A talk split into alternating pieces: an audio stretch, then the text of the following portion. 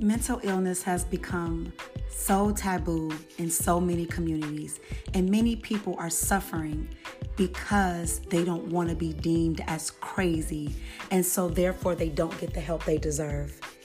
Then on this podcast, I'm going to focus on mental health.